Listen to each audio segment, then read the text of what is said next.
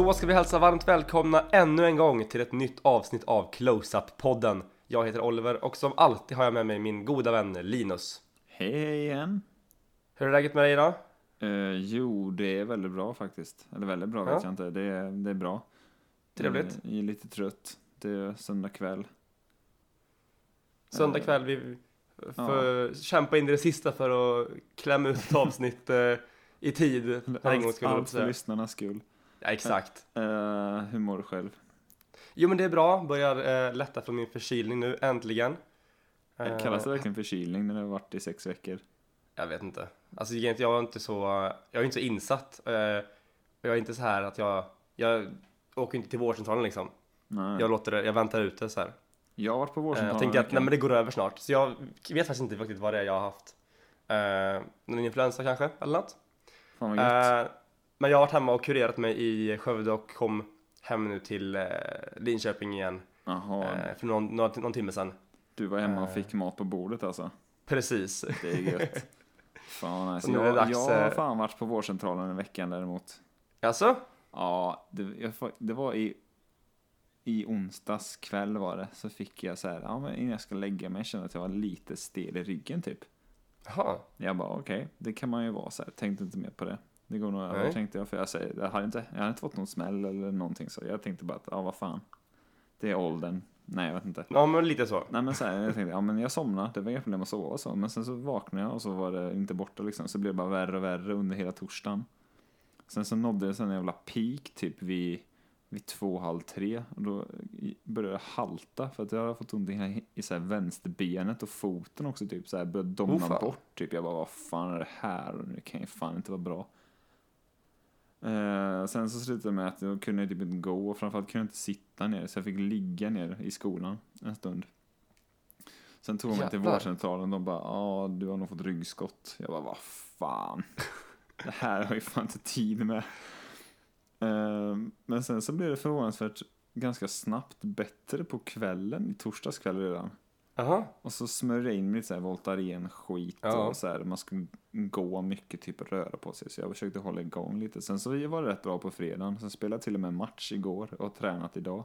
Så att Oh fan. det var kortlivad ryggskott men när det gjorde som ondast gjorde det fan ont kan jag säga. Jag kan tänka mig det. Jag har haft, eh, ja men vad fan. Ja, det var, men det var ju bra att det gick över då. Ja, Vad, jag, vad, vad kom, hur får man ryggskott? Vad kommer det sig? Jag som inte kan någonting om ryggskott. nej, alltså hon på vårdcentralen var jävligt stressad och förklarade som att det kan man få när fan som helst typ. Jaha. Jag bara, jaha. Men det är väl inte bra när man är 22?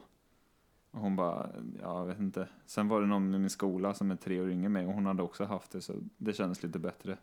Men det är lite så här, det är alltid, du, både du och jag är långa liksom. Ja, Det är alltid att man får alltid höra bara så här, men du är lång, det är så här, det är väntat att man, att man ska ha ont i ryggen liksom. Ja, lite så. Vem är längst Eh. av oss? Det har jag aldrig tänkt på. Jag tror du är längre än vad jag är. Jag tror det också. Hur lång är du? 1,90. Ja, ja, men då har jag ändå tre, tre och en halv centimeter på dig då. Ja men det är fint. Jag det tror, var lite bon bonusinformation till alla lyssnare där hemma. Jag tror jag är Eh, nästan två, en två, lång, 94. två långa raggliga pojkar från, Förut hade vi båda långt hår också. Ja, nu är det bara jag nu är som det har det. färdigt med det. På tal om Nej, men, eh, hår. Nej, jag vet inte. Ska vi komma till skott kanske? Ja, Det här är ju eh, för alla som lyssnar eh, en podcast om eh, film. Vi pratar ju om ett specifikt ämne inom filmens värld varje vecka, varje söndag närmare bestämt. Och för att få veta vad som kommer härnäst så kan man följa oss på Instagram och Twitter. Då heter vi ju Close-Up Podcast. Eh, och har man frågor kan man ju kommentera på de bilderna vi lägger upp där. Eh, det går också bra att mejla på closeupppodd at gmail.com och är podd stavas med två D. Så closeupppodd at gmail.com. Eh, och vad ska vi prata om den här veckan, Linus? vi ska prata om, eh, som du betitlade honom förra veckan, blockbuster-regissören J.J. Abrams. Ja, exakt. Jag tyckte att det var lite eh, ett lä- ett lämpligt, eh, Ja, en lämplig titel helt enkelt. det, det håller jag med om. Han känns- han har väl, han har väl sakta men säkert jobbat sig upp till det liksom. Eller han har väl, alltså ända sedan sina typ första alltså filmregiinsatser vart blockbuster liksom. Men eh, han har ändå fortsatt liksom att bara mata ur sig liksom. Han har eh, hållit sig inom samma genre kan man säga. block- Ja men, verk, ja, men verkligen. Ja. Ehm, han är väl uh, framförallt känd för att ha eh, regisserat Mission Impossible 3 eh, och den här Star Trek-rebooten och dens, dess uppföljare Star Trek Into Darkness. eh, Super 8 och eh, nu senast då Star Wars The Force Awakens. Ehm, Som ju är, uh, läser jag till här, den tredje högst uh, peng, vad, vad, vad säger man? Third highest gross, grossing film. Den tredje mest inkomstbringande filmen. Där har vi kanske. Det är tur att eh, det inte är jag som ska bli svensklärare då, eller? Eller? men Eh, du, nej men eh, precis. du kan ju stava. Det väl- Ja, men eh, ha, som sagt, han, eh, han vet hur man gör film som drar in pengar helt enkelt. ja, sen vet jag inte. Jag tror...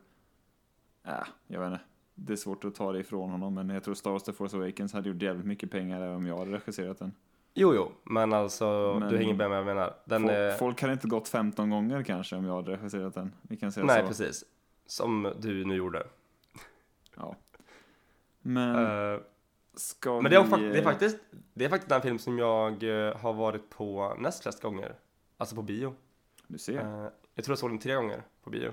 Ska vi köra igång eller så kommer vi dit? Nej men vi eh, kör.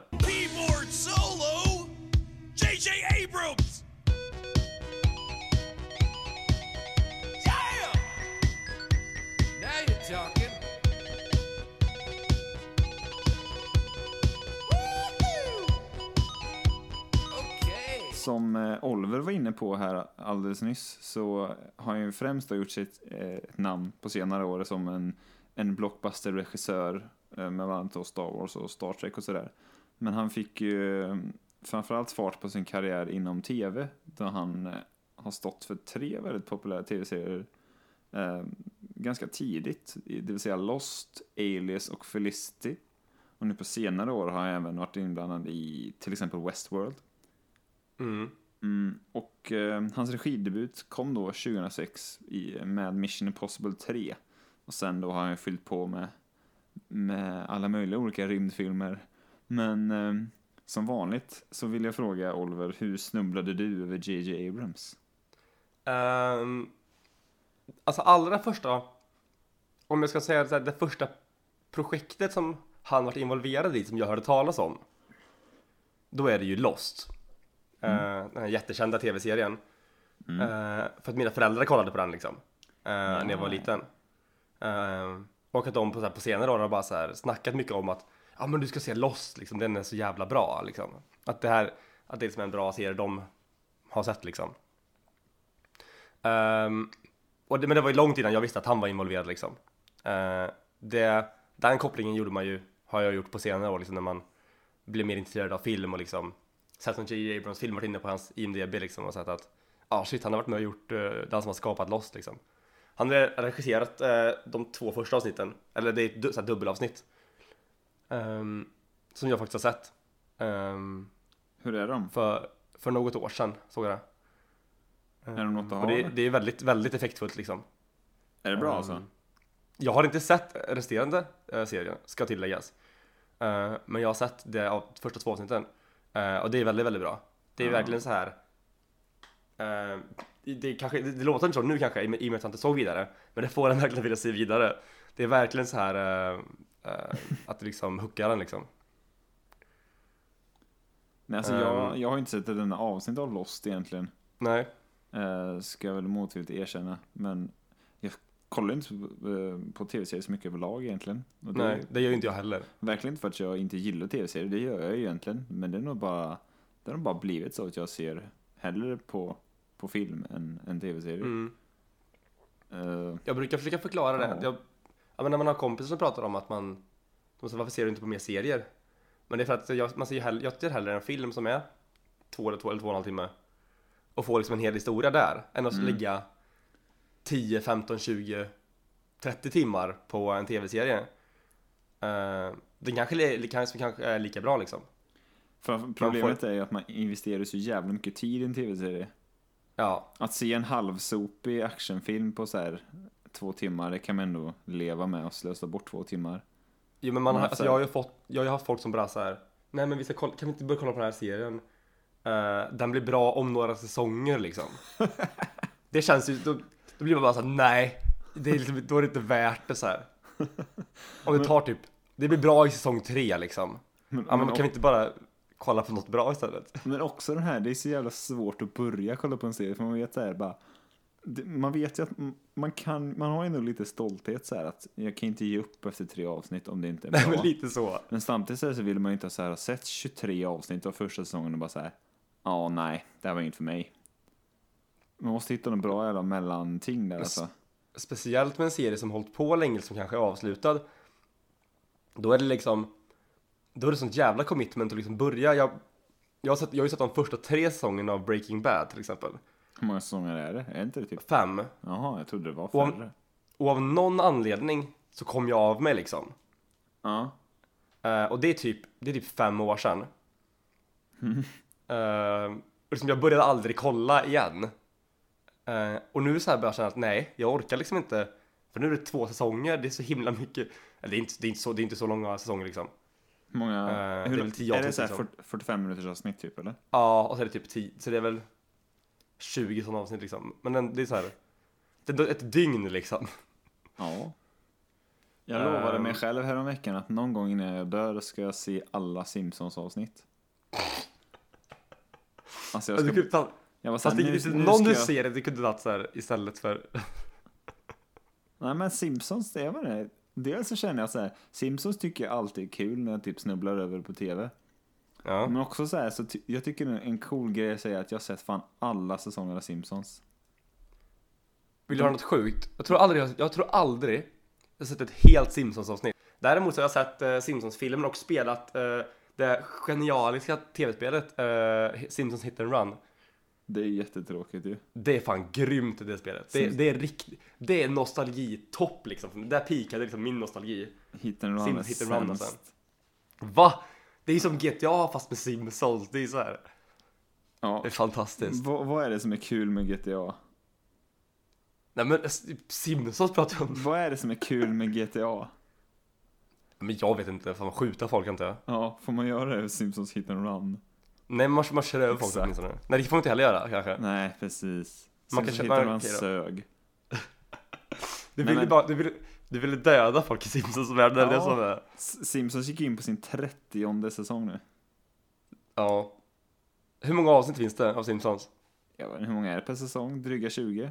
Ja men det borde väl gå, det går inte att se typ på, in, in, in, på IMDB, så hur många Mm. avsnitt det finns. Ge mig fem sekunder.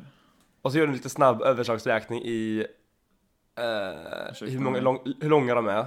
Det är du som pluggar, pluggar här. Ja, men, ja, Alla men om du ger mig- är 22 minuter långa. 22 minuter. Ja, det finns Nu ska vi se- 665 avsnitt. Nu kör vi snabb matte här i Close-Up-podden, det mest ointressanta avsnittet. Jag löser det här. Jag plockar upp en miniräknare här nu. Okej, 22 minuter, gånger hur många avsnitt? Jag har redan räknat ut det. Det är 243 timmar drygt. Och så delar vi det på 24. Det är alltså 10 dygn drygt. Det är inte så farligt. Det är inte så farligt. Ja men två, säg att om du ska sova också lite då, två veckor. Och så kanske så här, ha ett liv också. Nej men jag tänker om du tar typ såhär, om du har typ såhär sommarlov, liksom. Eller över jul liksom. Du bara tar två veckor. Så här, du börjar liksom äh, på juldagen. Går upp vid åtta liksom. Går, nej, går upp vid sju, plöjer. käkar resterna av så här jul, julbordet till frukost. Ja. Sen bara kör liksom. Men du, vi eh, 10-11 där någon gång ska du och jag spela innebandy också på juldagen. Får du inte glömma. Åh nej, det är... Jag var inte med förra året va? Nej, ju, nej det var det fan inte. Du Nej. banga. Jag var med... Jag hade snapsat för mycket dagen innan. Ja, men du, JJ Abrams. Just det. Eh, du har sett två avsnitt av Lost. Ja, Det är bra skit. det, ja, men det är bra. Jag kan rekommendera folk att se. Eh, också för att det liksom är en av de tidigare liksom, när han, eh, regi, regiinsatserna han gör liksom. Och se att redan, redan där hur, eh, hur han har ändå någon slags en, eh, en, egen, eh, en egen stil liksom. Eh, man kan ändå känna liksom att han har Ehm, det finns någonting där som man kan känna igen i hans senare, eh, senare verk liksom. Ja, okej. Vilken var första filmen du såg han gjorde då? Eh, den första filmen jag såg var nog eh, Mission Impossible 3. Ja, okej. Fett. Ehm, för det har också varit så här. Uh, Mission Impossible-filmerna har ju varit sådana filmer som liksom gått Som vi kollat på hemma liksom när jag var yngre Mm. Ehm, Så den var ju säkert en sån då Eh, Och sen måste det ju varit eh, Star Trek tror jag Visst Ehm, är Mission Impossible 3 lite filmad som en tv-film emellanåt? Nu ska, alltså, om jag ska vara helt ärlig kommer jag inte riktigt ihåg hur den, alltså hur den är filmad för det, det, är, den, det är nog den eh, Mission Impossible- Mission Impossible-filmen som det var längst sedan jag såg. Mm. Eh, det är nog, det är ett par år sedan jag såg den. Fyra, right. kanske fem år sedan jag såg den. Ehm, men eh, det är möjligt, alltså det kanske, men det kanske finns en eh, förklaring i det då. I och med att han eh, innan Mission Impossible gjort endast TV liksom. Mm, alltså, jag strötittade lite på den idag. Och Ja. det är absolut ingenting som stör mig eller tar från filmen. Men när man vet hur det ligger till Ja, så tyckte jag mig tänka på det. Att det är så här, väldigt mycket så här close-up, eh, eh, alltså närbilder och ganska så här, Ja. m- mycket klippande och mycket rörelse ändå. Det kändes Ja. lite så här tv-filmaktigt. Inte på ett dåligt sätt egentligen. nej okej. Men eh, jag, jag tänkte ändå på det. Alltså, men det är ändå en intressant observation tycker jag. Det ska Mm. jag fan ta med mig nästa gång jag ser på den. Ja, gör det. Den, Men eh, eh, jag tycker ändå det är värt att nämna innan vi går in lite mer på hans, eh, alltså han är ju ändå numera känd som en regissör liksom. Eh, och producent då. mm, Eh, men jag tycker ändå det är värt att nämna att han har, han har ju innan sin karriär inom eh, tv och regi eh, faktiskt skrivit eh, några manus som blivit storfilmer. Eh, och då tänker jag framförallt på den här Regarding Henry med Harrison Ford och Armageddon, Michael Bay-filmen. Um, vad? Armageddon är en film som JJ Abrams skulle kunna regissera, känner mig. Hade, ha- hade han skrivit det manuset idag, då hade han regisserat den själv. Ah, nej, då hade, han- då hade den så här varit någon Cloverfield-grej.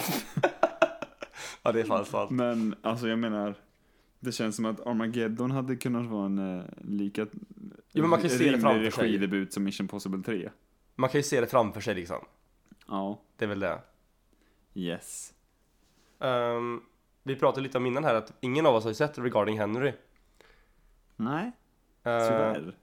som, har ni sett Regarding Henry så får ni jättegärna skriva in till oss och berätta om den är eh, bra och om man märker något, uh, något så här directors trademark eller writer trademark från J.J. Abrams redan i Regarding Henry från 91. Det jag har hört om filmen typ är att filmen är okej. Harrison Ford är väldigt bra. Inte, eh, spelar inte Sigourney Weaver, hans fru, i den filmen? Eh, oj, Eh, antingen så är det Sigourney Weaver eller så är det, åh nej vad heter hon andra? Jag höll på att säga Susan Sarandon men det kanske är Sigourney Weaver. Jag vet inte. Eh, jag kollar det, det går asfort. Åh, Ja, gör det. är... Det är... De spelar ihop en annan film annars. Det är kanske är därför jag fick för mig det. Som jag inte kommer ihåg vad den heter. Det är An, uh, Annette Bening, är det. Okej, skit i henne. Den, eh, den första, eller jag då och JJ Abrams. ehm, Just det. det är så enkelt som att eh, jag började, när jag då fick reda på att det skulle komma nya Star Wars-rullar så började jag följa liksom det lite så här med nyheter och så här lite Ja. på internet helt enkelt. Och eh, dels så så började det väl ryktas om JJ ganska tidigt. Både spekuleras och ryktas tror jag. För att han Mm. kändes väl vid den tiden som ett ganska rimligt val. När han då hade gjort Mission Possible 3, Star Trek och Super 8 och dessutom ja. på dem med Into Darkness. Så kändes ju inte han som en jätteorimlig Star Wars-regissör. Nej. Så det var då, så jag började upptäcka honom att, och då var jag inte alls särskilt så här high på filmer eller överlag egentligen. Det var ju i den vevan som jag upptäckte film och så här, man började läsa på och man, Mm. man såg massa filmer som internet sa var bra typ.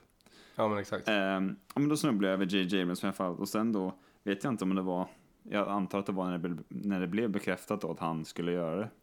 Mm. Som jag, okej, då måste jag ju fan kolla vad det här är för en jävla dude alltså. Om man ska lita på honom. så då, eh, då laddade jag ner, tror jag. Så det får man inte säga. Jag, jag köpte dem digitalt. Eh, hans eh, Star Trek-rullar. Ja. Eh, så att de var de första jag såg faktiskt. Okej. eh, Av hans. Och sen såg jag även Super 8, men det var lite, lite senare tror jag. Och Mission Impossible 3 såg jag än, ännu senare. Ja. Eh, och jag varit väldigt förtjust. Jag hade aldrig sett någon Star Trek eh, överhuvudtaget innan, inte ens tv-serien eller någonting. Jag var väldigt förtjust i hans Star Trek-filmer. Mm. Eh, så jag var nog jävligt pepp på att han skulle göra Force Awakens. Eh, så det är väl egentligen mitt första minne av JJ Abrams. Ja. Det har inte förändrats så mycket. Jag är fortfarande jävligt förtjust i hans Star Trek-filmer som vi kommer komma in på nu. Ja, precis. Ehm, ja, men jag håller helt med. Alltså, man är ju ett fan liksom. Ehm, Ja, du skulle säga att du är ett fan av JJ Abrams. ja, det skulle jag säga ändå. Han, alltså för att vara en... ehm, ja, men jag tycker han, han, liksom, han har inte gjort en... Alltså en riktigt dålig film. Vissa hävdar ju att... Alltså vissa gillar inte Star Trek Into Darkness. Ehm, men jag tycker ändå att det är en, alltså, det är en bra rulle liksom. Ehm, Fan vad kul att du nämner det, för Star Trek Into Darkness, jag som aldrig sett en Star Trek-film innan, nej, inte visste något om hur lik den är Wrath of Khan, eller hur mycket nej, den, den lånar eller snor, beroende på om man nu kan sno från sig själv. Men, men eh, jag tyckte att den var skitbra när jag såg den första gången. Jag tycker Ja. fortfarande att den är jävligt tuff. Det är Ja. väl något så här, överlag med J.J. Abrams, tycker jag att han kanske inte, hans filmer kanske inte alltid är de bästa och de tajtaste. Det, har väl, det är väl också en manusfråga. Han är också med och skriver manus. Så jag menar inte att det är inte hans fel, men om vi snackar som regissör så tycker jag jag älskar J.J. Abrams stil och han gör jävligt coola filmer. Ja men exakt, han är ju verkligen, det var, det var lite det vi pratade om, när, alltså, när man kallar honom för blockbuster-regissör Mm. så är det det man menar, att han har ju verkligen ett öga för vad som gör sig bra på, sto, alltså på, på den stora, stora eh, vita duken. Han är extremt visuell. Han är ju, ja men exakt, han, har, han vet ju vad som, ja, men han är bra på att konstruera coola, coola sekvenser, han vet vad som är snyggt liksom. Eh, på, i en stor actionfilm. Och så också hans, jag tänker mycket på hans kamerarbete, vilket han möjligen då tonade ner lite inför Force Awakens, för Star Wars har ju alltid varit känd för att ha lite mer, lite mer clean, lite mer slipad eh, estetik. Ja. Men hans Star Trek-rullar och Mission Impossible 3 i allra högsta grad är väldigt skitiga och energiska och väldigt intensiva. Ja. Tror- Alltså, om man så snackar alltså, kameratekniker så är det, det är mycket handhållna kameror. Det är mycket, mycket skakande, mycket närbilder. Kameran rör sig extremt mycket. Mm. Och jag vet inte, jag tycker han är en jävligt tuffa film med mycket tuffa färger om man bara så snackar rent, rent estetiskt. Och lens flares, det fick han ju mycket... En lens flares ja. Det blev, blev, det blev en meme liksom, att, eh, i Star Trek-filmerna. Att han använder sig av mycket lens flares, alltså när eh, ljuset reflekteras i, eh, i kameralinsen. Vi kanske ska bli av med det direkt. Vad tycker du? Ja eller nej? Om lens Jag tycker, alltså, jag tycker inte det gör något. Jag tycker det är coolt. Jag tycker inte, alltså jag har inget emot det. Eh, ja, det tar, jag tycker inte att det tar ifrån liksom. Framförallt, alltså jag vet inte om jag egentligen, egentligen i sig tycker att det är så jävla coolt. Men jag tycker gör det jävligt coolt. Det, det är ju så jävla, främst i Star Trek-filmerna också. Och det är också en sak som han skalar ner lite på inför Force Awakens. Ja, Det antar jag för det är väl, det vill, han vill väl att det ska rimma med Star Wars liksom. Det är väl inte så jo men konstigt. så är det väl. Men framförallt då i Star Trek-filmerna och Mission Impossible 3 som är väldigt ganska, de, det är väldigt mycket action i de filmerna. Super 8 är Ja. inte lika mycket action men det finns ju mycket där med. Men det ger ju väldigt, det ger ju en väldigt unik action, actionstil. Mm. Jag kan ju inte komma på varken en annan regissör eller en annan film som använt sig jättemycket lens flares. Eh, vad fan heter den på svenska? Jag vet inte, men nu kallar vi det lens flares. Ja, Så, precis. så mycket eller på det sättet han gör. Nej. Och jag vet inte, det säger väl kanske mer om, om dagens eh, blockbuster-utbud än det gör om JJ Abrams, men Ja, Bara, alltså, någonting, må- bara någonting sticker ut ibland gör ju att det blir tio gånger mer intressant. Sen kan man ju diskutera om det är bra eller dåligt. Ja men det är, det är väl verkligen, alltså, det är väl ett stil i vad de gjorde liksom. Eh, jag kan tänka mig att uh, filmfotografen var lite involverad i det också. Att de ville Absolut. liksom ge den lite mer, eh, jag kan tänka mig att målet med att använda sig av lensflares är väl för att det ska kännas lite mer som att man är, som att man är där liksom, eller hur? Att man jo, liksom, men det känns ju lite... att man är i rummet. För att det blir ju, alltså det är en onaturlig, eller det är en fjärde väggbrytande effekt ju. Eh, I och med att vi, kameran, vi ska inte veta om att kameran, alltså kameran finns ju inte egentligen, alltså i filmen, Nej. finns ju inte kameran. Så att ljuset reflekterar sig i kameran ska ju liksom, som ska man säga, inom cita- citationstecken liksom inte, inte kunna hända i filmen. Men att det gör det ändå ehm, är en sån effekt som kanske är att man kommer in lite mer för att hade du varit där så hade det kanske liksom varit så. Det är jävligt svårt att veta eh, om det är så de har tänkt. Men jag kan tycka att lens flares är ett, ett bra grepp att ta till för att sk- skapa lite så här, att, alltså för att uppnå samma känsla eller upplevelse som man gör med kanske en jävligt eh, tydlig shake, shaky cam liksom. Mm, ja men exakt. Så kan jag tycka att lensflaren är lite snyggare och inte lika jobbig på samma sätt som tittare. Nej. Men kanske ändå uppnå samma effekt. Om du Jo, förstår vad jag menar. Ja men lite som man jämför med typ eh, Paul Greengrass som gjort de senaste uh, Bourne-filmerna. Eh, han har ju den här liksom, uh, någon slags handhållen eh, med så här telefotolens-grej. Ehm, som också är, där målet liksom är att, vad ska man säga, eller typ som en shaky cam eller så här. Det blir liksom lite, vad ska man säga, mer, mer i, man är liksom i där på ett annat sätt. Det ska kännas lite mer som att man är mitt i skiten liksom. Exakt. väldigt enkelt förklarat. Ja men exakt. Ehm, men vad ska vi, ska vi eh, prata eh, mer om eh, Star Trek-filmerna? Tycker du eller? Vi ska inte börja med Mission Impossible 3 då? Kan vi göra? Uh, alltså jag har inte så mycket att säga om den egentligen. Uh, med det, men dels, men Det vi, är precis vad vi, man vill höra en podcast. ja, men vi har nämnt en del grejer om den redan. Alltså, det var ett tag sedan jag såg den. Ehm, jag tycker att det är ju... ehm, den är bättre än Mission Impossible 2. liksom. Ehm, men Svårt. annars, annars tycker jag inte kanske att den är... eh, nu är ju Mission Impossible en jävligt stark eh, franchise. Speciellt de tre senaste och den första. Eh, men framförallt de tre senaste. Ehm, så den kanske inte står ut bland de filmerna eh, så väl. Men det alltså, säg inte att det är en, en sämre film liksom för det. Ehm, men, men den är väl den är bra, en bra actionfilm liksom, tycker jag. Ja, du och Eh, jag har ju lite olika åsikter här. Jaha, okej. Det är ju kul. Ja, men det är roligt. Jag är inte jättestort fan av den första Mission Impossible-filmen. Nej, okej. Den är okej. Det- Jag kan tänka mig att se den igen någon gång. Eh, Mission Impossible 2 är ju... Ja, jag vet inte. Den är ett, eh, ett spektakulärt misslyckande. Ja, jo, så kan man säga. Och sen är 4 och 5 tycker jag är riktigt starka actionrullar. Jag var ju inte lika förtjust i den senaste, Fallout. Nej. Som, eh, som du och eh, många med dig. Nej, precis. Så jag håller ju Mission Impossible 3 vid den övre halvan faktiskt.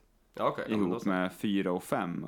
Om man nu ska dela in Mission Impossible-filmerna i två läger. Och så har jag 1, 2 och 6 som de tre sämre och 3, 4, 5 som de tre bättre. Ja, okej. Sen eh, sinsemellan så är det väl hugget som stucket.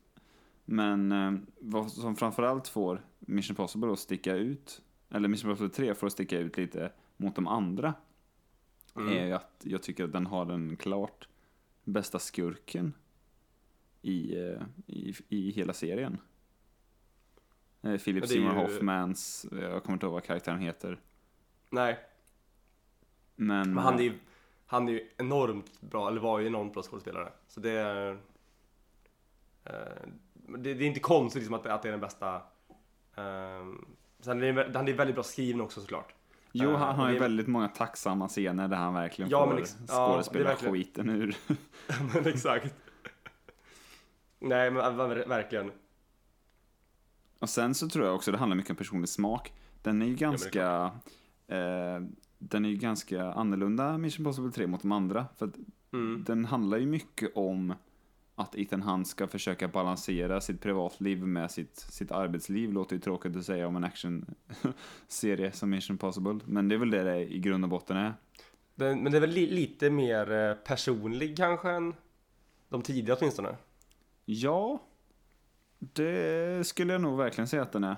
I Mission, jag- Mission Impossible 2 är han ju, det är ju en väldigt mycket, väldigt macho-film. Jo, Och Mission Impossible 1 är ju ganska, där är Ethan Hunt ganska platt. Ja, men där är han ju mer en, eh, som man säga, bara en spelpjäs.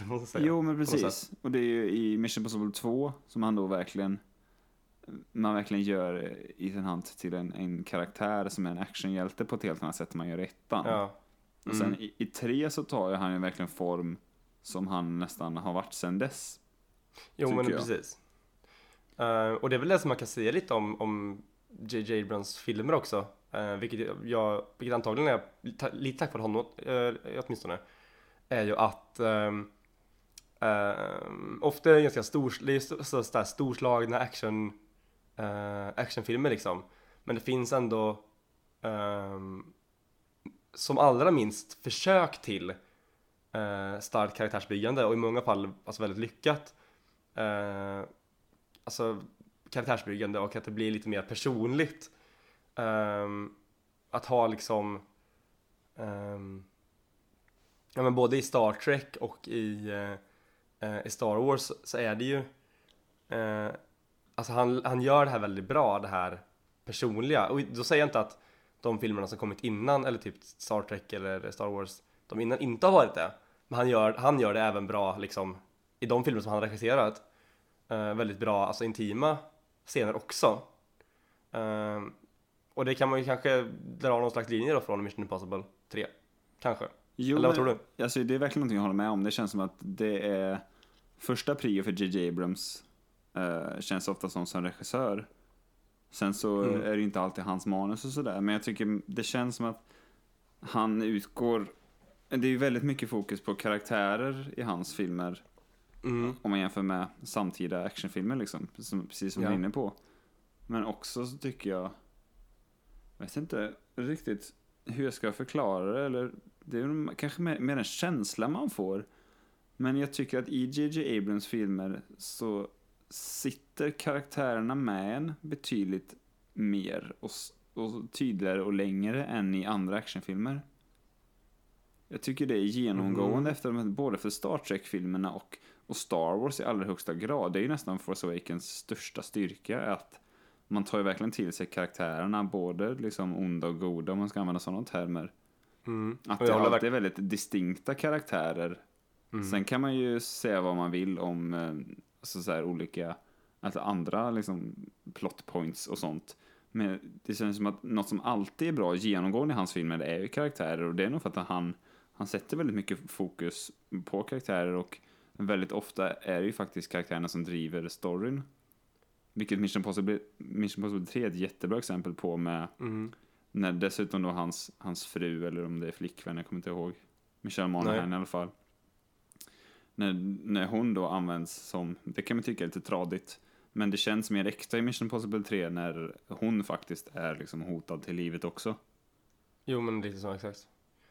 Um, nej men jag, håller- alltså jag håller verkligen med och det här med att sätta uh, Alltså man uppskattar jag, jag uppskattar det väldigt mycket i alla fall, som en, alltså personligen uh, vil- Och något som inte är så vanligt kanske, eller som är mindre vanligt än om man kollar på liksom uh, J.J. Abrams filmer Att, uh, men att som du säger, karaktärerna driver storyn, att det inte är liksom um, att stor, Alltså att, att eh, handling driver storyn Förstår du vad jag menar? Nej, jag förstår vad du menar. Eh, att det liksom är, verkligen som du säger i eh, Star Wars Force Awakens, ehm, att det, man verkligen tar till sig karaktären liksom. Eh, Mm. att det verkligen är de som eh, står ut liksom. Kanske i, i, en, i en film som då, trots att jag tycker att den är väldigt bra, att den har ju fått en del kritik för att vara inte jätteoriginell. Force Eh, Awakens. och- Nej, precis. Mm.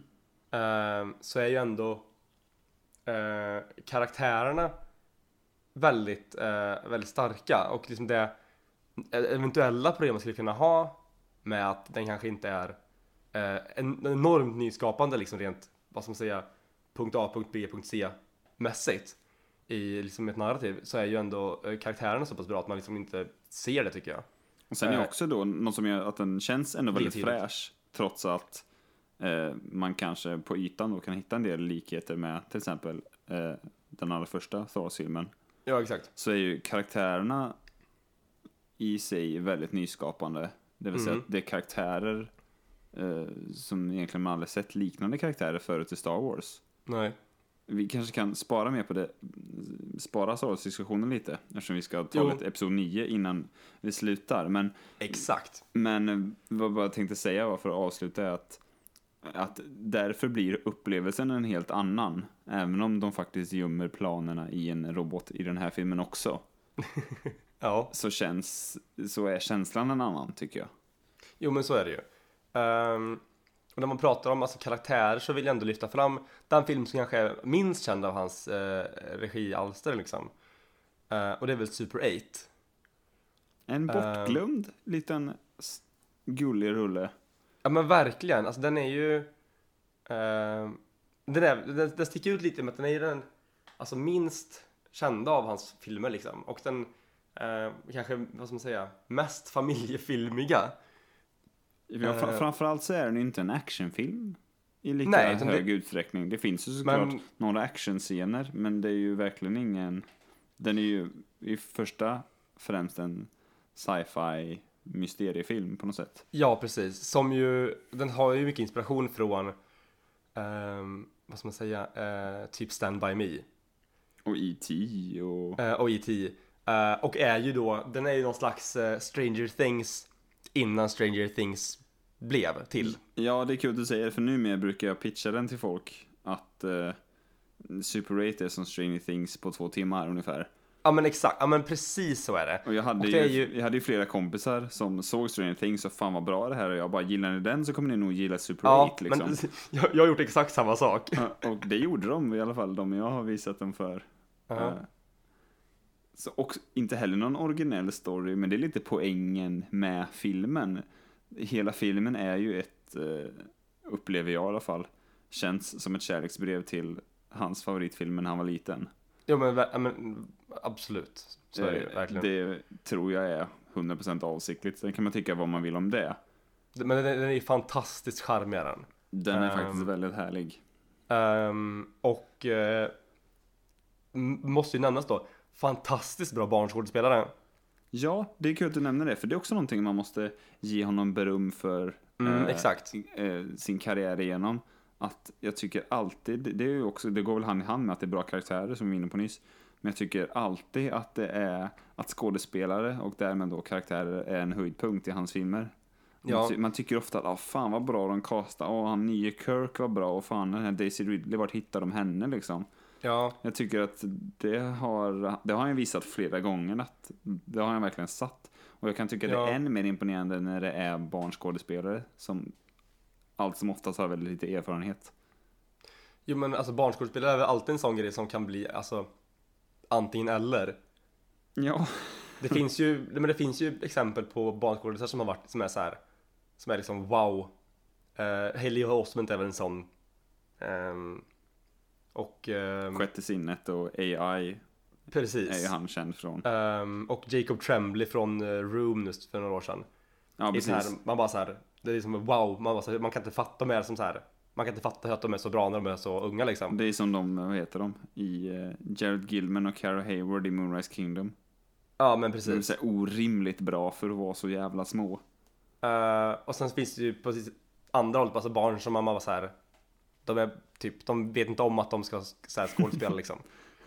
Ehm, och det är någonting som ofta så här, att det har, ofta kan det komma, komma ner till till regissören, dels att då vara med alltså, i castingprocessen kanske då Men även alltså på när det väl gäller fram- framför kameran att vara eh, För på många sätt är ju regissören också en, alltså ansvarig för att få ut de bästa, det bästa ur en skådespelare. Eh, Och det kanske är så att, han- att, eh, alltså att JJ Abrams är en väldigt bra skådespelare, regissör. Eh, Mm. Jag har inget bevis på det här och jag vet inte, så här, jag har inte läst på om det eller googlat om det stämmer, att det är något att folk har sagt så om honom. Men jag får den känslan lite när, jag, alltså när man kollar på, på hans filmer liksom och vad han gjort. Ehm, så är det ju liksom eh, rätt igenom eh, ofta väldigt bra eh, bra skådespel liksom. Men det har nog med att göra tror jag, alltså lite som vi är inne på. Det känns som att allting hänger väl ihop såklart, men Ja, det är, det är här- en känsla man får att karaktärer är någonting han sätter ganska högt, högt Ja, upp på någon prioritetslista och därmed så är, blir ju då skådespelarna väldigt viktigt för honom. Mm. Och han verkar ju väldigt populär att jobba med. Alltså menar han, visst det kan man säga om Michael Bay med, men alltså han får ju må- ofta många stora namn. Och dessutom är han ju väldigt mycket verksam som producent som vi snackat om, så att Ja. han har ju, han har ju väldigt många trådar ute. Mm. På ett sätt som många andra kanske inte har, i och med att han, han jobbar ju så otroligt mycket med, med så många olika saker samtidigt. Ja. Eh, så jag vet inte. Nej men alltså, det är, vi, har, vi har ingen jävla aning. För att det är väl så enkelt, vi sitter ju inte med på mötena. Men, men, men känslan man får är att, att det är någonting han är jävligt vass på. Och speciellt då när det är någonting som är genomgående bra i hans fem filmer han har gjort. Ja. Så eh, måste man ge honom cred för det. Uh, någonting jag ändå vill lyfta nu medan du, ehm, när du ändå nämner eh, producentrollen, Mm. eh, är ju att han, alltså, han är ju väldigt, väldigt aktiv som, eh, som producent. eh, både inom film och tv. Ehm, och eh, han har ju ett eh, produktionsbolag som man kanske känner igen från, eh, från hans, eh, från filmer och det är ju det här Bad Robot heter ju det produktionsbolaget. Mm. Ehm, och den filmserie som jag kanske framförallt vill nämna här, som man ofta nämner som att det, är så här, det här är hans liksom, grej, är ju Cloverfield-filmerna. Mm. Eh, som började ju 2007 kanske nu, tappar namn, tappar året här. 2008 tror jag den kom. Den 2008. första. Eh, eh, Cloverfield, som är en, alltså så här, en av mina favoritfilmer. Av någon anledning. Eh, jag bara älskar den filmen så mycket. Den är ju regisserad av Matt Reeves och Matt Reeves och JJ gjorde ju serien Felicity ihop i början på, Mm. ja det var väl slutet på 90-talet tror jag. Exakt. Det är också en grej förresten nu när vi pratar om skådespelare och JJ Abrams. Han gillar ju att använda flera skådespelare flera gånger. Simon Mm. Pegg, superexempel. Men då huvud, huvudrollen i Felicity spelas av Carrie Russell. Ja. Som då dessutom är med i Mission Possible 3. De spelar Lindsay, kanske hon heter. Hon agenten som blir räddad i början. Ja, mm. Eh, och hon har nu då en roll i Star Wars Episod 9. spännande. Och som dessutom då är med i Apornas planet 2, som ju Matt Reeves regisserade. Ja, exakt. Som gjorde Felicity med JJ. Ehm, exakt. Ehm, men sen så, men på tal om Cloverfield då. Den första Cloverfield-filmen kom ju 2008. Eh, och sen nu då så har det kommit uh, ytterligare två ehm, Cloverfield-filmer i samma universum. De försöker göra den här, vi pratar ju, har ju pratat tidigare i den här podcasten eh, i andra avsnitt om det här med eh, att det är så himla hett att göra eh, filmuniversum nu liksom. Um, och de har ju tagit en lite annan approach till, eh, till Cloverfield-serien. Där, där ändå han, J. Abrams, har varit väldigt eh, ganska involverad. Um, och det är det här med eh, att det inte bara är eh, att det är liksom en tematiskt universum.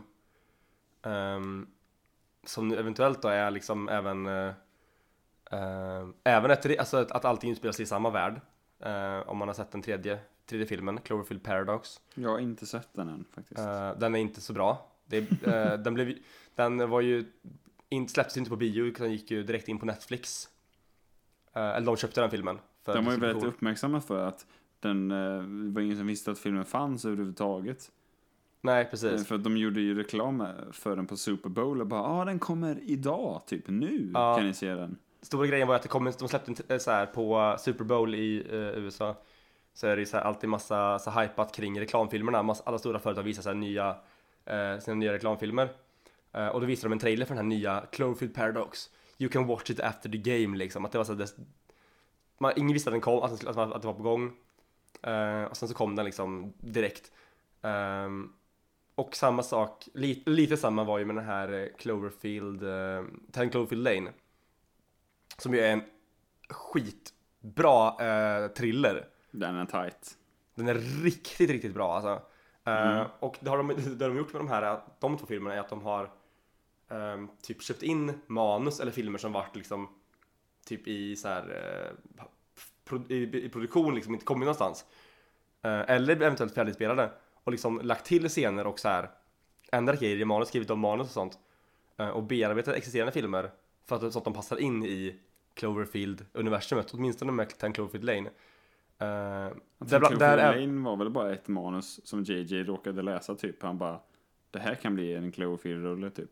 Jag tror, men alltså jag tror att den även är inspelad delvis, alltså innan han kom in i bilden, Cloverfield kom in i bilden. Det tror jag inte. Jag är ganska säker på det. Ja, det kanske det är. Men jag vill minnas att det var, det har också varit något sorts... eh, Den hette The Seller. Vet du vem som är, eh, vet du vem som var script doctor på, på den här filmen? Har en, alltså har en, eh, en rewrite manus cred på den här filmen. på 10 Cloverfield Lane? Ja. Eh, ingen jävla aning. Tom Damien Hanks. Chazelle. Va? Det Som, så... som har regisserat eh, Whiplash och La La Land. Den är otippad. Han har manus cred på en, en av, han har ju bara på sina egna filmer och sen så har han på 10 Cloverfield Lane också, manus cred. På riktigt? Ja, det är lite roligt. Snyggt. Men annars har ju... har ju de här Cloverfield, de två nya eh, Mm. rullarna. Eh, 10 Cloverfield Lane och eh, Cloverfield Paradox heter den va? Mm. har ju varit eh, någon sorts hobbyprojekt för JJ att ge eh, en ung, ganska okänd regissör chansen att göra en stor film. Ja men exakt. Han är ju bara plockat som en, jag tror att åtminstone han som gjorde Tank Cloverfield Lane, Dan Trachtenberg heter han? Eller något sånt. Ja. Han hade väl gjort någon ganska cool kortfilm typ och JJ bara Ey, vill du göra en, en cool film med John Goodman eller? Han Ja. bara, ja visst. Eh, Den Trachtenberg har gjort, ehm, han är, slog igenom, eller vad man ska säga, eh, med en, eh, en, han gjorde en kortfilm om, baserad på det här tv-spelet, eller dataspelet eh, Portal. Så var det. Eh, som ju är ett eh, fantastiskt eh, datorspel eh, av Valve. Ehm, och då gjorde han en kortfilm då som är, den, den kortfilmen är skitbra. Väldigt eh, häftig så här, science fiction kortfilm liksom. Som Mm. är värd att kolla på. Jag vet, inte riktigt vad den heter, kortfilmen, men sök typ på Dan Trachtenberg. Portal, Det, det är också, det känns ju också lite som det vi pratade om innan, att han är en jävel på att eh, hitta talanger och att Verkligen. eh, erkänna eh, och uppskatta talang. Även Mm. om det är en, en lågbudget kortfilm. Eller en, Ja. en, en okänd Daisy Ridley som dyker upp liksom i ett, auditionrum. Ja, men exakt. Det är ett jävla, det är en jävla förmåga. Ehm, och han, men som sagt, han har ju då eh, som sagt, grejen lite med den här Cloverfield-filmen också, jag vill bara runda av den lite att eh, deras approach då till det här produktions, producenternas approach är ju att det ska vara liksom, eh, det är inte bara filmerna i sig utan även marknadsföringen, att det är någon slags eh, man vet aldrig vilken, så här, hans nästa, nästa film som det ryktades att den här filmen som han har producerat eh, som heter Overlord Ja, Eh, att den var så här, att det var nästa Cloverfield-film. Ehm, och jag, eh, sen så, han har ju sagt att det inte är det. Den hade ju premiär nu, jag tror det var förra veckan, eller två veckor sedan, på det? Fantastic, Fantastic Fest i USA, en sån här genrefilmfestival. Fick du någon skön kritik? eller? Uh, som, den har fått ändå väldigt bra kritik, eller väldigt bra, men den har fått en bra kritik att den är liksom ehm, för, alltså för de som gillar den typen av film, liksom att den är bra. Den ser ju jävligt cool ut bara Den ser trailern dumma. Den ser häftig ut, men också att den skulle kunna vara riktigt, riktigt uh, så här, antingen eller, typ. Absolut, men alltså bara så här visuellt så tycker jag den ser jävligt maxad ut på trailern. Ja. Och den faller ju helt i linje med det här som du säger med att hitta folk, hitta talang att göra det här. Um, hitta liksom spännande projekt i liksom någon slags science fiction-genre. Mm. Ehm, och eh, han är ju även som producent då, involverad. Han är ju, som jag kanske då, som är liksom eh, eh, gammal dataspelsnörd. Eh, är- han, han, har ju, han har ju köpt rättigheterna till, eh, till Half-Life och Portal. Och Halo. Eh. Nej, det är ju Peter Jackson kanske. Ja, ha, med Half-Life och Portal är han, det, det är det är, de är ju announced liksom att det är på gång. Det har ju Med varit honom typ som producent. tio år. Ja, Eller så här, det kommer, kanske, ald- det kommer det- kanske aldrig hända, men jag, så här, för någonstans lever hoppet inom mig att det ska liksom ehm, om vi säger så komma bra, bra data, dataspelsfilmer från DJ Abrams någon gång. Det är Alltså- liksom, det är en dröm. Jag minns ju att jag såg att de här filmerna var, var typ in production eller in development eller vad fan står. På Ja, hans IMDB när jag hörde talas om honom första gången 2012, 2013. ja. Och det har inte hört, äh, hänt ett skit sen dess. nej. Sen kanske det kommer nyheter imorgon. Bradley Cooper signed on for Half-Life Trilogy och sen okej. Men fan vet vi. Men Ja. det känns väldigt orimligt. Men han är ju som sagt väldigt aktiv som producent helt enkelt, även inom tv, och som du nämnde i Westworld bland annat, eh, på senare år. Ehm, Oliver, ja, vad tycker du om Star Trek och Star Trek Into Darkness? Jag tycker att uh, First Star Trek är skitbra. Den är, eh, är riktigt, riktigt tight. Eh, den introducerar eh, för eh, oss som inte var bekanta med Star Trek innan eh, väldigt effektfullt introduktion till, eh, till det här nya gänget liksom. Mm. Jag kan tänka mig att för de som ehm, alltså är bekanta med Star Trek sedan innan så är ändå introduktionen av den här nya, eh, nya besättningen eh, väldigt, väldigt eh, välgjord liksom. Mm. Ehm, och ehm, ja men alltså första filmen är bra rätt igenom, en bra science fiction actionrulle liksom. Riktigt, riktigt stabil. Uh, tvåan är eh, inte lika bra, men den är jag tycker fortfarande som du sa tidigare här, alltså att den är eh, jag hade liksom, har inte haft någon relation till de tidigare filmerna. Eh, jag har liksom ingen relation till Khan till exempel. Ehm, så jag tycker den, jag som men jag tycker att den, den är liksom, den är bra, det är en bra film liksom. Eh, men jag tycker inte att den är lika bra som den första. Ehm, vill bara tillägga också att, eh, alltså ka- eh, enormt bra casting. Uh, uh, heter han Zachary Quinto va? Nu- Som, spelar Spock ja. Ja, jag är så jävla dålig på namn. Eh, är ju, ja, men han är ju fantastiskt bra som Spock. Eh, och eh, ehm, Chris Pine som Captain Kirk är också enormt bra. Grym casting, som vi pratade om tidigare. Eh, det gör J.J. Abrams skitbra liksom. Ehm, och uh, snygg poster på eh, första Star Trek-filmen. ja, den Vad tycker du då? tror jag inte han gjorde. Man vet aldrig. Nej, vad tycker du? Vad coolt det vore om han gjorde sin egen poster. Han gjorde ju musik, han gjorde den här låten som spelade i Maskanatas Castle i Force Awakens. Jaha, Han skrev, häftigt. han skrev den. Ehm, som ni hörde tidigare i podden så kan han ju spela keyboard, JJ Abrams. Men Ja, exakt. Men, men du, var inte även, eh, vad heter det, uh, Lin-Manuel Miranda ehm, involverad i den musiken? det var han nog fan inte, tror jag.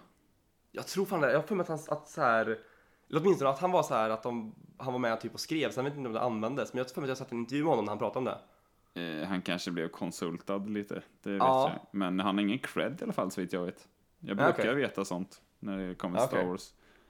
Men, för att återkoppla det du snackade om Star Trek där, att det är någonting som är jävligt tydligt. Just för mig som aldrig sett en Star Trek-film innan. Nej. Jag såg de här två, hans två. Och sen även den tredje då som han inte regisserade. Men den Mm. såg jag liksom bio när jag var med i gamet lite. Men de här såg jag ju senare efter att de kommit ut liksom. Och det var ju, det är ju att eh, karaktärerna står ju fan ut här. Även om man inte har sett dem tidigare i tv-serier och fan sex filmer och vad är det, 70 avsnitt eller fan det är, det är tre säsonger. Så Ja. står de direkt ut för mig som att jag gillar det här gänget direkt och jag minns vad alla heter, bara en sån sak, efter att filmen är slut. Mm.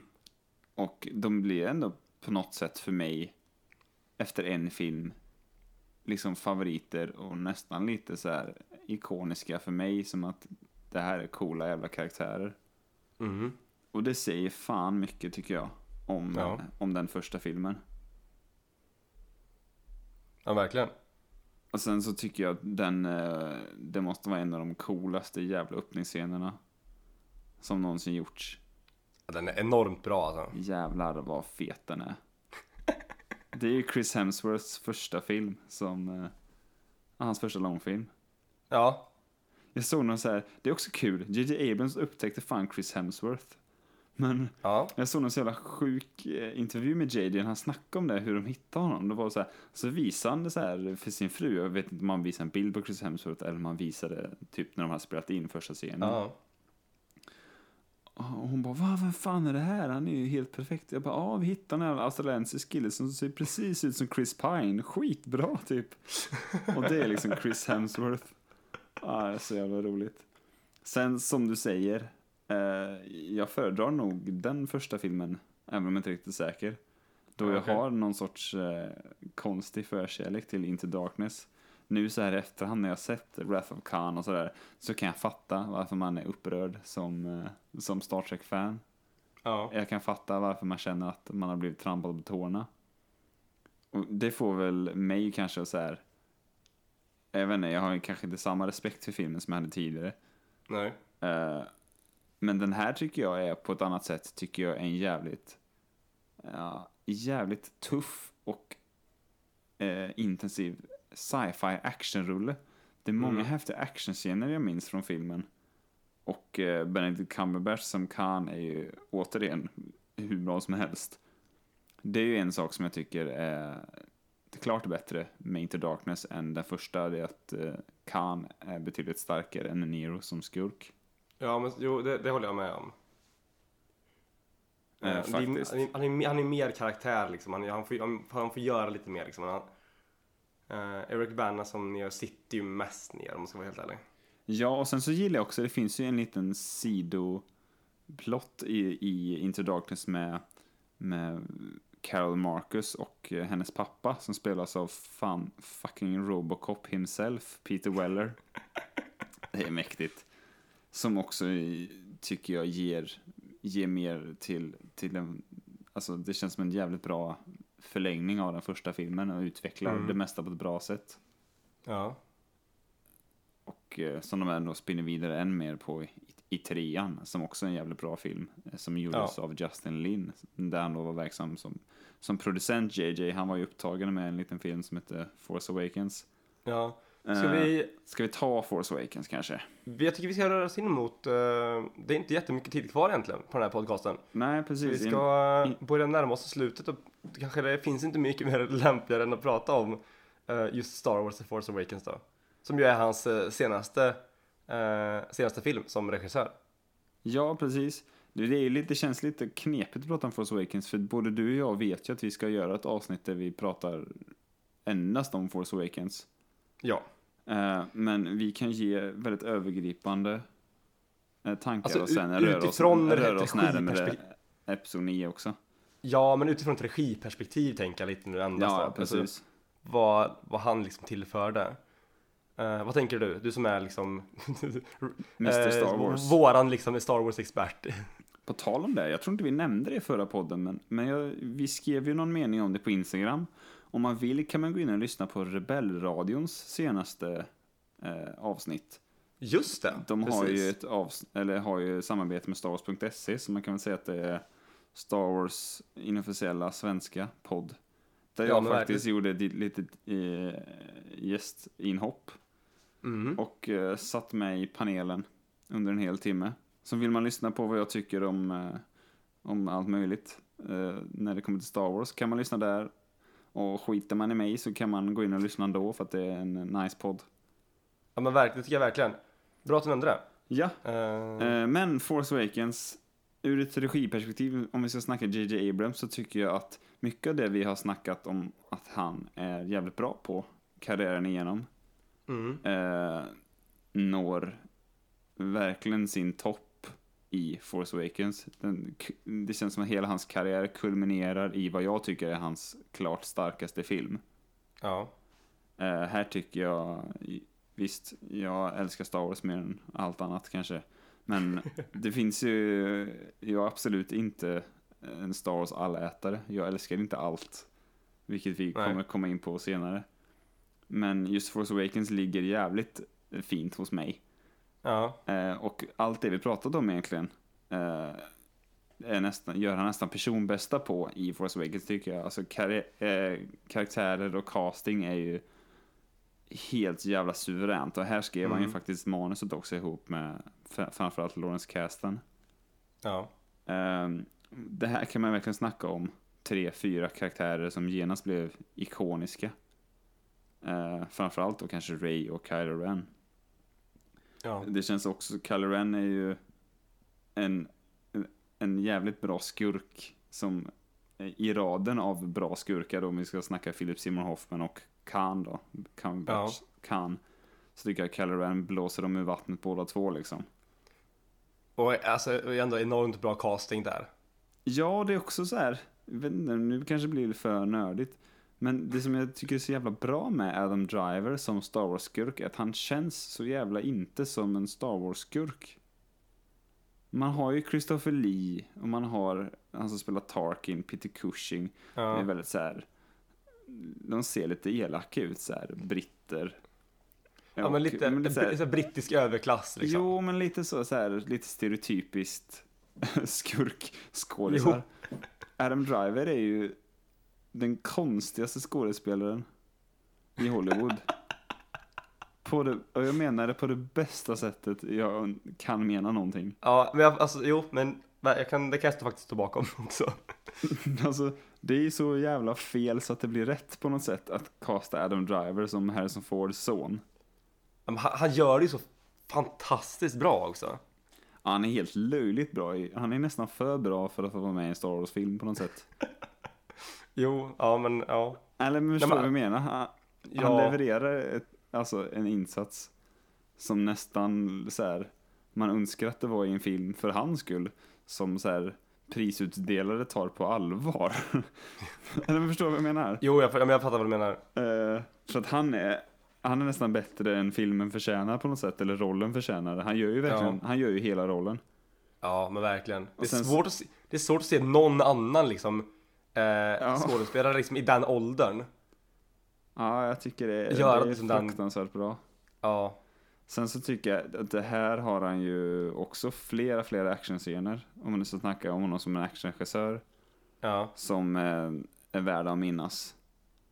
Det är så svårt för mig att prata om det här, om, om- att det sticker ut och så, eftersom jag har sett filmen så sjukt många fler gånger än jag sett de andra. ja. Så jag är väldigt nyfiken på vad du tycker, men som jag känner så är detta hans snyggaste film också. ja. Det är väl också en fråga om foto. Men Ja. jag tycker att den är extremt eh, uppfinningsrik i sitt bildspråk. Sen kan Mm. man ju, som du var inne på förut, kritisera vissa saker. Och vad man tycker om det. Jo, Men jo. om vi ska snacka ur ett regiperspektiv.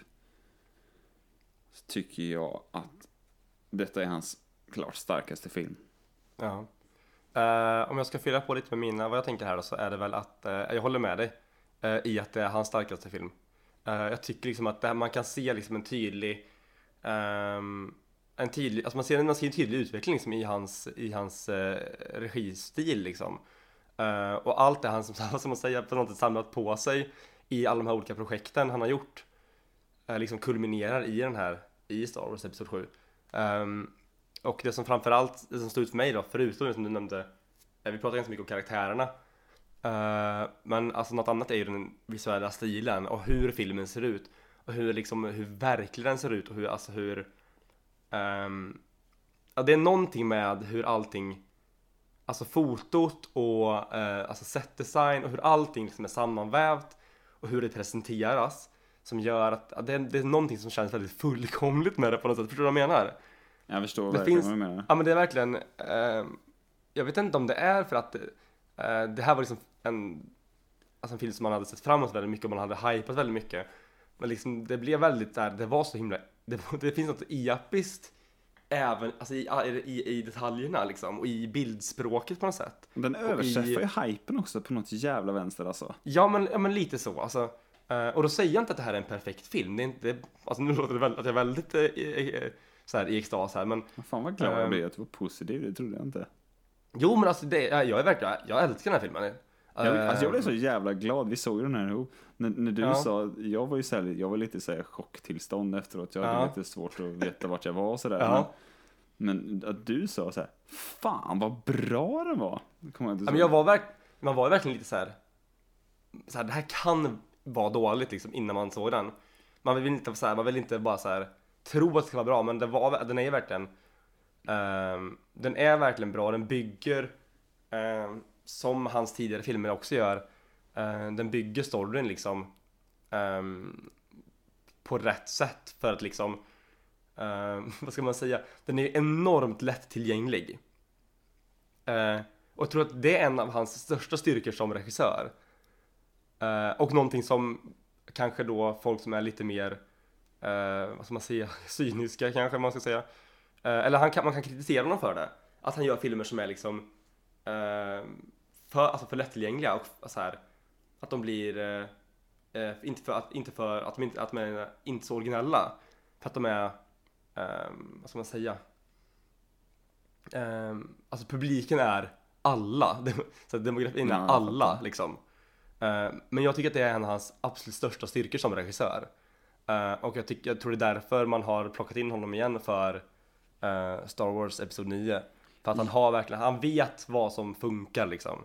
Han har ett, något, någonting som gör att han kan liksom ehm, ja, men han kan göra film som alla gillar på något sätt. Förstår du vad jag menar? Jo, men också det så tror jag, förutom allt det jag redan nämnde om Force Awakens, något mer som jag verkligen gillar med Force Awakens på en fundamental nivå, vilket då Mm. såklart är han extremt mycket, i och med att, eftersom han dessutom både producerat och skrivit manus, så är detta hans film mer än någon annan. Men jag tycker att detta är en av de modigaste filmerna jag någonsin har sett. Jag tycker det är så jävla kaxigt att efter så här, man, folk har väntat på liksom uppföljaren till Return of the Jedi. Liksom. Vad hände med Luke, Han och Leia? Ja. Så här, 30 år. Och sen så bara så, här, så börjar filmen så här. Luke är fan borta. Han och Leia har fan gjort slut och deras son springer runt och mördar folk. Så, så, här, så jävla långt ifrån så här och så levde de lyckliga alla sina dagar man bara kan komma. Ja men verkligen. Och sen så bara så här, ja Luke Skywalker, nej, han är fan inte ens med typ. nej, jag fattar, jag, jag fattar inte hur man vågar. Det är så jävla Nej. kaxigt. Och det är Ja. också så, vilken enorm tilltro till sina nya karaktärer och till materialet. Ja. ja men verkligen. Nej, jag, jag tycker den är imponerande på så jävla många lager.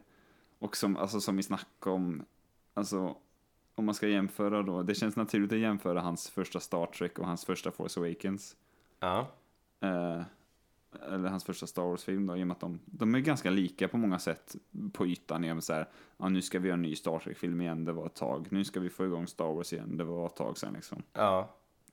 Så känns det som att så här, Star Trek, då hade han en sjuväxlad cykel, men till Force Awakens hade han äntligen fått 21 växlar typ. Och bara öser. Ja, det känns... Tror du- Ja, det känns Ja. verkligen som J.J. Abrams på alla cylindrar. Fullt ös. Så då får Tror man att han- Force Awakens. Tror du att han kommer bli liksom den här eh, go-to, vi ska reboota en science fiction franchise? Han har gjort det med Mission Impossible, Star Trek och Star Wars. Ja, vad, vad kan bli nästa då, tänker jag? Uh, något jävligt Finns- lame känner jag. The Mummy om 15 år. Ja, Nej, men det vore kul en, a- en alien reboot. Han känns ju som att istället för Timmy Miller så känns han som en super nice dude att göra en Terminator-rulle alltså. Ja, där, där är det fan oss på spåren alltså. Tänk dig J.J. Abrams med lite med edge. Ja, men alltså, eller, eller åtminstone så här, tänk dig J.J. Abrams köra typ en... Ja, fan, turn. Det var fan ett bra, det var fan ett bra svar alltså. Tänk dig J.J. göra en skräckfilm. Är det någonting han är bra på så är det visuella bitar alltså. Men typ, vad tänker du? Typ Predator då, tänk, eller? Ja, men Predator skulle ju han kunna göra, ärligt talat. Ja. Kommer ju en ny av Shane Black här nu som går förbi och vi pratade om det innan vi började spela in. Eh, Den har fått lite sval kritik, men vi ska ändå se den tänker jag för att eh, vi är fan av Shane Black liksom. Ja, och så sa vi också att vi inte har hunnit se den för att vi hinner fan aldrig göra någonting. Men Nej. ska vi avsluta två minuter typ, kanske med snabba tankar inför episod 9? Det är också något vi kommer komma in på med, med senare avsnitt som vi har planerade. Ja, Men bara exakt. snabbt nu. V- vad känner du? Colin Eh. Trevorrow fick ju sparken som bekant och JJ kom ju in istället.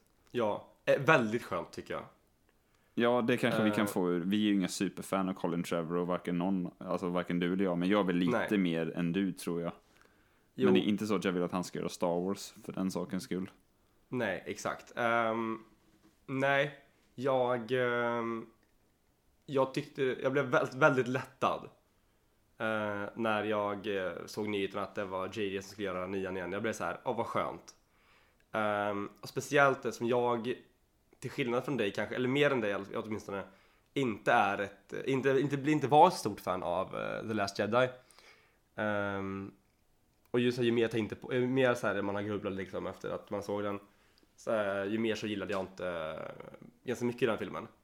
Um, som hade med, som hade, just hade med så här, st- eh, story och eh, ehm, karaktärer att göra. Så jag är väldigt hoppfull att han ska kunna komma tillbaka och rätta upp det här igen på något sätt.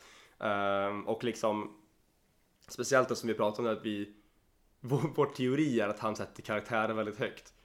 Att han ska på något sätt kunna liksom eh, styra upp det här igen. Um, och att han ska liksom, um, vad ska man säga? Han, han har gjort Force Awakens så, så väldigt bra liksom. Uh, och den, den blev ju, om man kan göra samma sak igen och avsluta liksom lika starkt som han påbörjade den här uh, trilogin så tror jag att, eh, alltså jag, jag kan inte komma på någon som jag, alltså en regissör som jag, eh, som är mer lämpad liksom för att, att göra den här filmen. Vad tror du? Nej, alltså det är väl som du säger. Jag blev sjukt glad av att få höra JJ skulle göra, skulle göra nian. Ja. Om ni inte redan har märkt det nu så är jag ju ett, ett superfan av JJ och inte och än mer ett superfan av JJ när han gör Star Wars. Ja. Eh, sen är ju Last Jedi så jävla konstig film för mig för att jag kan tycka att bitvis, om vi ska plocka isär filmen, är den är otroligt bra. Att det finns bitar som är helt suveräna.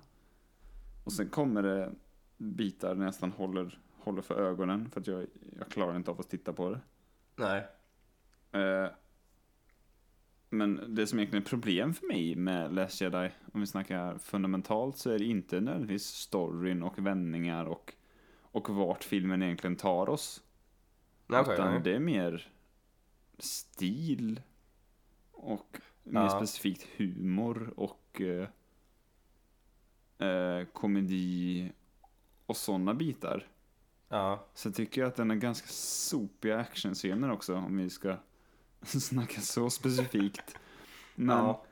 men jag tycker inte att, att eh, Episod 8, Last Jedi, har satt J.J. Abrams i en svår sits på något sätt egentligen.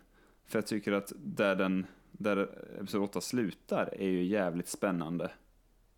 Ja, jo, men det är Sen, det sen kan man säga vad man vill om, jag har massor att säga om, vilket vi, vi ska pr- prata massor om filmen också någon gång, Ja. om humor och ton och hur vi tog oss dit. ja. Men det känns som att där, där vi lämnade eh, med Episod 8 så har JJ alla medel att göra en jävligt bra avslutning liksom. Ja, utom två karaktärer. Som Vadå? utom, förutom eh, Luke och uh, Snoke. Typ. Jo men det är väl skitsam. Folk dör, Snoke skiter jag i. Det är, jag är, Han var ju så jävla cool! Ja men sådana grejer har inga problem med att han dör. Det är väl ännu coolare. Nej, det var- det, det det, var är ännu det är ju- coolare om folk som är coola dör. Det är ju mäktigt ju. Jo, Det är ingen som fan, tycker att någon liksom. som lever för alltid är cool. Nej. Jack Sparrow slutade vara cool för Ja. tre filmer sedan. Hade han Det dött fanns- hade han varit ännu coolare. Nu, vi, vi ska inte prata mer om uh, Last Jedi. Men så att jag har väldigt höga förväntningar, eller förväntningar, förhoppningar snarare på, på JJ. eh, och jag, eh, ja men man blir alltid glad av att se hans namn liksom i, eh, han är ju sån här, eh, eh, både när det gäller alltså regi och, eh, men även som producent tycker jag, att han har liksom bra smak där. Sen är inte, sen är inte allting toppen liksom, men eh, han är, har ändå ett öga för intressanta projekt. Um, så han är verkligen värd, att- värd att liksom kika på hans eh, projekt han är involverad i. Ehm, speciellt om man är ett fan av liksom, eh, eh, vad ska man säga, science fiction, eh, science fiction-genren. Ja, alltså för min del, han är ju en av mina, en av mina favoritregissörer. Mm. helt enkelt. Inte nödvändigtvis för att han har gjort mina, alla mina favoritfilmer. Även om jag alltid kommer att avguda honom på grund av Force Awakens. Så inser jag eller inser, det är ingen fakta, men så tycker jag egentligen att hans andra filmer är inte de bästa egentligen. Men jag tycker han berättar dem på ett jävla schysst sätt. Eh, och har gjort fem riktigt jävla coola filmer. Mm. Eh, så att jag känner ofta när jag ser att han producerar en jävla massa grejer så blir jag så jävla sur för att jag vill att han ska göra långfilmer istället för att eh, producera någon jävla Cloverfield-rulle som ingen kommer titta på liksom. Även om det, eller förstår vad jag menar? Det är så här, jag önskar att JJ, du kommer bara leva 30 år till. Jag önskar att du kunde spendera dem på att regissera filmer istället för så här, låna ut ditt namn Ja, jo. till någon jävla... Och det är ju jävla lyxproblem. Eh, Jo, verkligen. Jag vill ju egentligen att han ska producera coola filmer också. Ja men verkligen. Men jag önskar att han kunde regissera lite mer. Jag vet till exempel att eh, han egentligen hade tänkt att ta paus när han skulle göra Force Awakens för att eh, jag, tr- jag tror han hade fått barn ganska nyligen eller sådär. Eller hade små barn så att han skulle vara lite mer med familjen. Jag antar att Ja, okej. han i rollen som så här, manusförfattare och producent kan jobba mer hemma liksom istället för att vara på inspelning typ en månad i Ja. Abu Dhabi. Det är lite skillnad. Men sen så, jag vet inte, jag läste intervjun med honom när han fick erbjudande om Force Awakens och hans fru sa så här, ja ja, det är klart du ska göra det. Och jag, så, här, så jag alltid visu- visualiserat liksom det samtalet när han bara, ej älskling, eh, de frågar mig vill jag göra Star Wars och så har jag alltid tänkt så här, han tittar på honom han bara, ja ja, klart du ska få göra Star Wars. Och sen så här, nej, jag vet inte. Jag svamlar känner jag. Jag gillar JJ eh, Abrams. Känner vi oss klara? Kanske? Det gör vi. Um, vi har Vad vi faktiskt ska prata pra- om nästa vecka är ju inte riktigt 110% bestämt, men håll utkik på vår Instagram. Ja, gör det. Följ oss det på handlar om vissa saker, går i lås eller inte, eller Ja, det är precis. planering och skit och allt. Ja, ni vet hur det är. Eh, det kommer ett avsnitt i alla fall. Så mycket kan säga. Eh, som inte handlar om JJ Abrams, så mycket vet vi. Ja, eh, men håll utkik på Close Up Podcast på Instagram och Twitter. Så får ni, får ni senaste nytt där. När, det, när, när info finns så delas det där. Absolut. Ehm, Men tills dess så får vi ju tacka så mycket för att ni lyssnade den här veckan. Hell yeah. Eh, och eh, hej då! Hej då!